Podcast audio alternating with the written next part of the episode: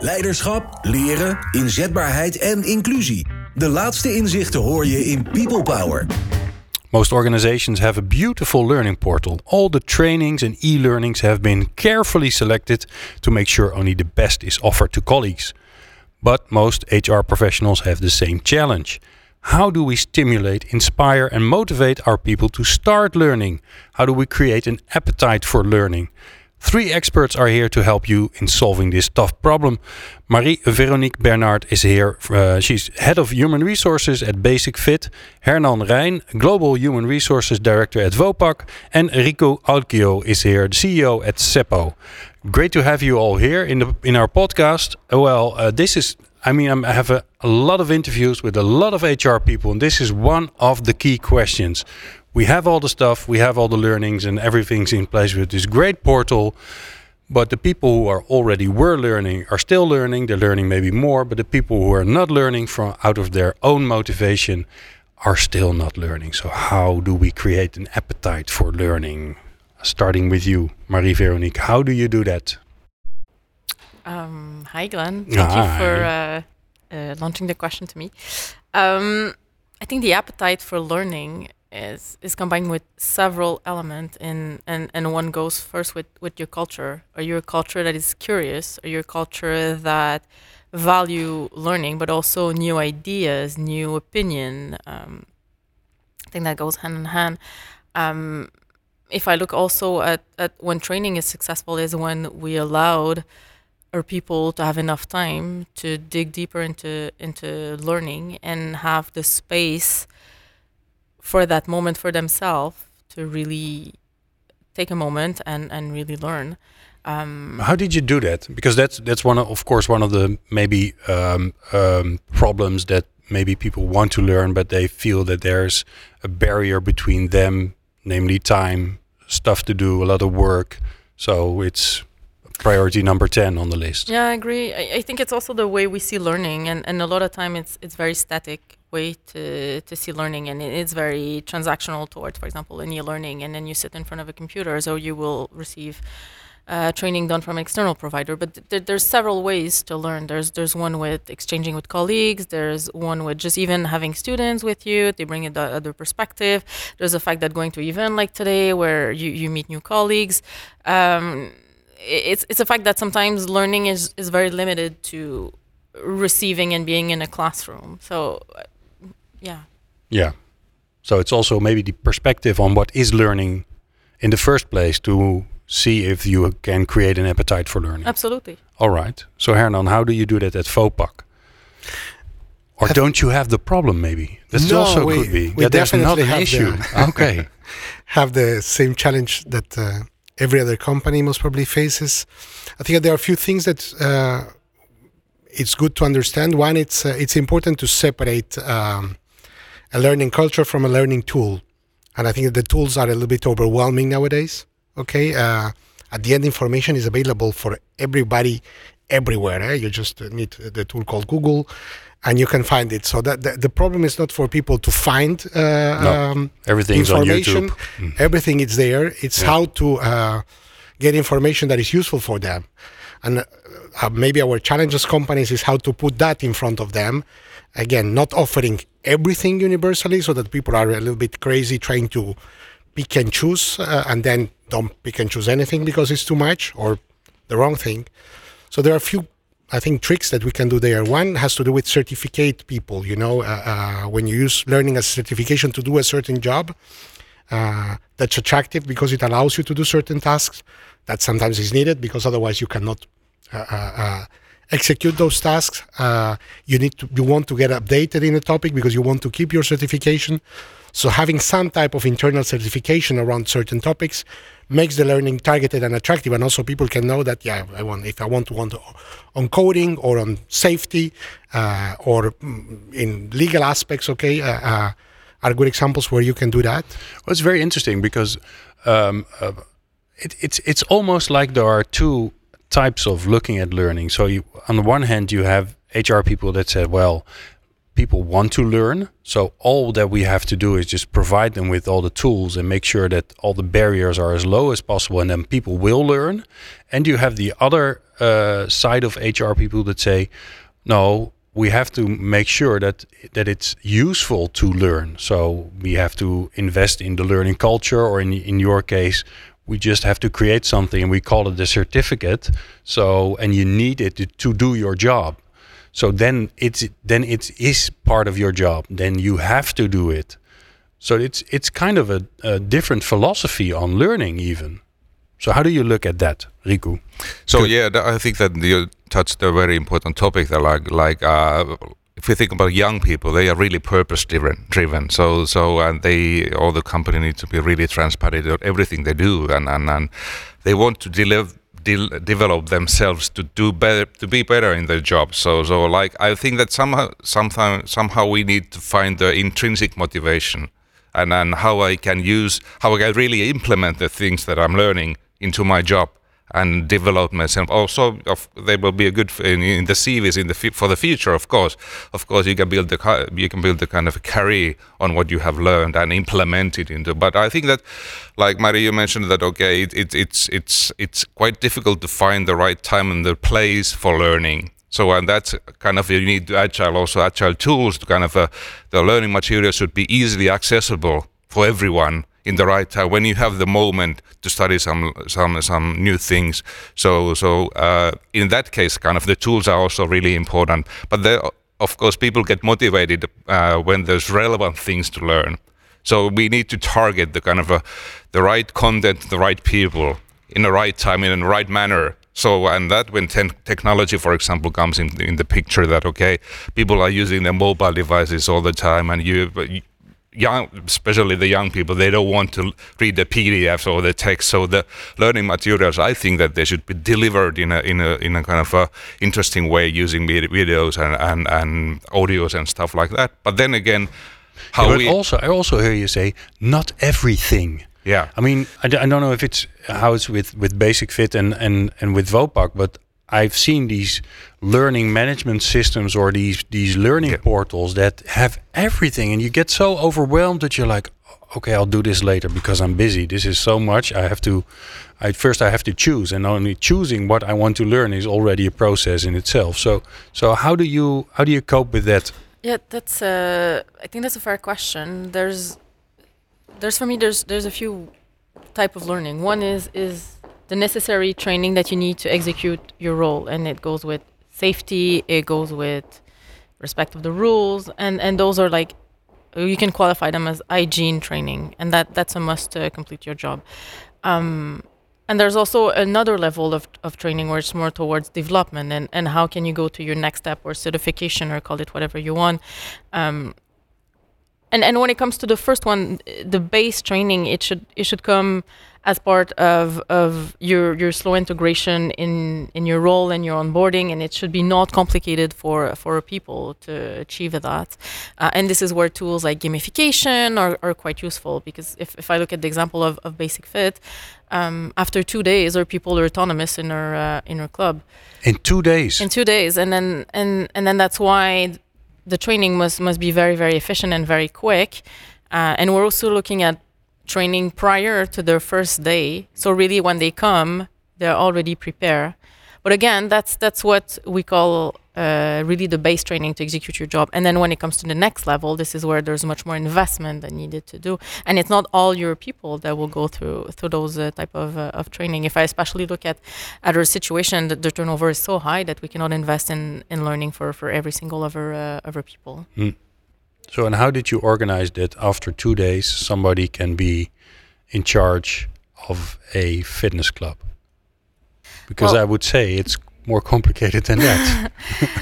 yeah, it, it's not it's not easy, and then to have done it by myself, it's it's it's quite it's rather stressful. We also have a lot of of, of different support for them. So, for example, we have a twenty four seven uh, remote team that can help them if ever they have question. They have access to plenty of tool online if they have question for our staff. They also have their manager on call if if ever there's something. Um, but really the goal is to have them autonomous by by by a few days. What they what do they do in these two two days? Um, well, without going into into too much detail, but but they will have a uh, they will have an onboarding one on one with their with their manager, and also in some of the country prior to that, they they will have received a lot of material or access to uh, even gamification because we're already using gamification uh, in in some of our countries. So so that that's really helped to to prepare them mm. to. To run their club by themselves. So it's really a two days hand in hands with with their manager.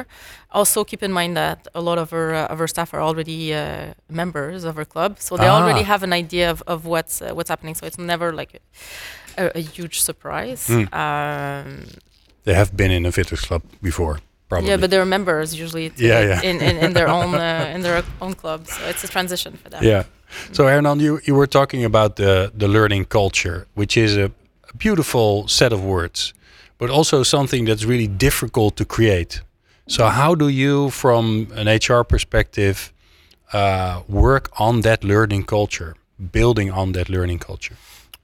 I I think that the learning culture at the end has to do with the culture uh, overall of your company, and uh, definitely you need to work on a curious culture in your company if you want to, again, keep advancing, innovating, uh, uh exploring uh, new businesses and new areas. We're all forced to do that. so you start in a way at recruitment, you know, of the type of profiles that you bring. Once that you have the people inside, or let's say you arrive to a place and that's the group that you get. Um, I think that there are a few things that you need to look at. Um, one, uh, definitely very important, it's, uh, as we mentioned, uh, uh rewarding a little bit curiosity, okay? Making sure that uh, curious careers uh, Uh, advance, okay? Uh, rewarding risk, uh, because I think that in a way curiosity comes together with risk, and risk, in a way, entails the possibility of getting things wrong once in a while and accepting that.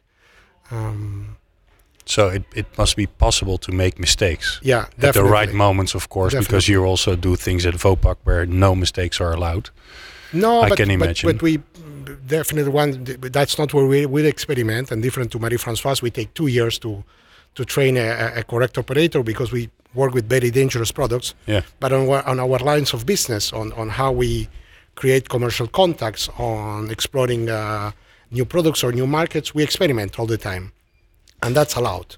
Uh, and it's good, and most of the times it goes well, and sometimes it doesn't, and we learn from that a lot too. Mm. Um, but definitely, trying that it's very important. Uh, I think that role modeling, as in any other part of your culture, is very important. So showing a little bit that uh, the risk takers, the people that in a way went, explored, investigated, brought new competencies, uh, went there uh, uh, and, and, and had a a beautiful career with us. Uh, so basically, it's around that and uh, promoting a lot to that. You know, promoting the right stories. Uh, Riku, how does we already talked a bit about gamification? How mm. does gamification fit into uh, creating the appetite for learning? So I think Hernan, what you mentioned about kind of uh, uh, trying out and, and, and testing your limits and, and, and, failing first and have a safe place where you can test your limits and uh, what you can do. So game games are or gamification is a li- really good tool for that kind of a, you can say fail safely and then when you succeed you get kind of the feeling that yes I was good and you're ready to move forward. Forward. I think that what is the best part of gamification in the, if we gamify the learning content then the kind of the, the player or the participant is there in the center. You need to be active, so you need to take part on the learning. You're not just kind of uh, taking a look on the on the video, or you're not just kind of taking a look on the sl- slideshow, but you need, there's a call to action. You need to reflect on that how how the big change in the change management or, or kind of the delivery chain is affecting my work. So and you need to kind of uh, reflect on the big change and okay, how I need change my behavior to succeed in the in the in this kind of uh, changing um, environments. Uh, so just, uh, yeah. just a question uh, about that: How can you bring gamification to this next level? Because that's far advanced for a type of gamification.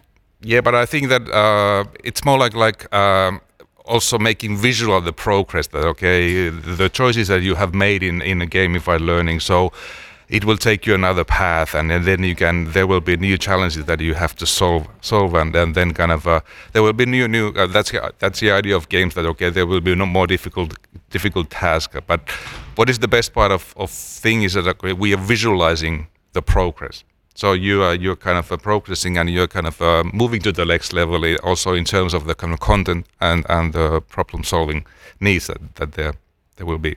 Yeah, so you can fail. I mean, my son is gaming a lot. He, I think he dies 50 times a day at least, and he's still alive. That's great, of course. Um, uh, the progress is to, is is very important. So so the immediate feedback of all right, okay, I I am Yeah. I'm level up. Yeah. Uh, I've I've I've proceeded. I've I've become better.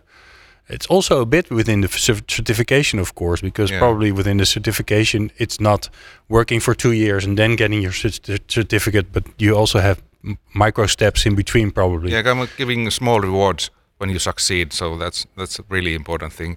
Yeah. And, I gi- and it sounds it sounds so silly, maybe a bit childish, but this is how our brain works. Yeah, it mm. definitely. So actually, what the children they learn by playing. So game is a kind of a play when you are more creative. So you you kind of you have the there are no uh, everyday rules that are controlling you when you join a game uh, game. So then you maybe are more brave that you would be wouldn't be. You were testing your limits, like already Yeah. mentioned mentioned. So And we had uh, in our in one of our previous podcasts that we recorded, we had uh, the HR director of the the Dutch um, uh, military, and they he said, well, we use games a lot because if we if we if we if we go on a mission, first we're going to try out in a game to see if all the things that we've done and what happens if we make decision A or B or C. So we we try before we do. And and he was really um, uh, really curious about the fact why doesn't that happen more within within corporations? Trying out before you do it. Yeah, because you can save a lot of trouble Yeah, by, definitely, by yeah. doing your by doing your your biggest mistakes within the game Yeah, and, and uh, we also hear sometimes that okay, games is just a fun way. Everybody wants to have so easy going thing, and it's a fun way to learn. But games are really not just fun, though. It's hard work. So you need to start all over again. Then you need to make sure that okay, you you learn the thing. So so it's it's definitely I think that that the games are really serious learning, and it's not not just having fun. Fun. No, because- and, and, and I agree with you. And also, I think it reflects uh, the pace of work these days. And I find the old ways of, of training, it's very static. We Mm. ask people to sit in classroom to just receive the information. And then when it comes to gamification, it really switched the, uh, the responsibility of. And it's really empowering for, uh, for people. And also, if you kind of uh, implement the kind of using, uh, if you participate in a game uh, with your mobile mobile device, and you allow you allow the kind of the players or the participants to answer to the challenges, like using your phone is in a creative way, so you can answer with the video, just like kind of using the the mobile devices in a way that you are doing after work. So posting posting stories to the digital uh, social media, and if we implement that into a formal setting like kind of corporate learning, so that also kind of gives a personalized feeling that hey, uh, this is this was done for me, and I can use the skills also express what I have learned in, a, in an interesting way. You're right, and there's also a lot of change management because um, often it's associated play with your phone, Mm. and that's what most of the employer don't want their staff to do. Is they want to be there as far as, as we want from their phone, and it's it's really that shift that any tools or any device is really there to support Mm. the, their learning path and and it's not true anymore that that you're just passive when you learn it's it's something much much more active Yeah. all right I've really enjoyed this conversation. Thank you for all your uh, wisdom and your insights. Uh, Marie-Veronique Bernard, uh, she's head of human resources at Basic Fit. Hernan Rijn, global human resources director at Vopak. And Rico Alchio, he is CEO at Seppo. And thank you, of course, for listening to the podcast People Power. Meer afleveringen vind je op peoplepower.radio en jouw favoriete podcast-app.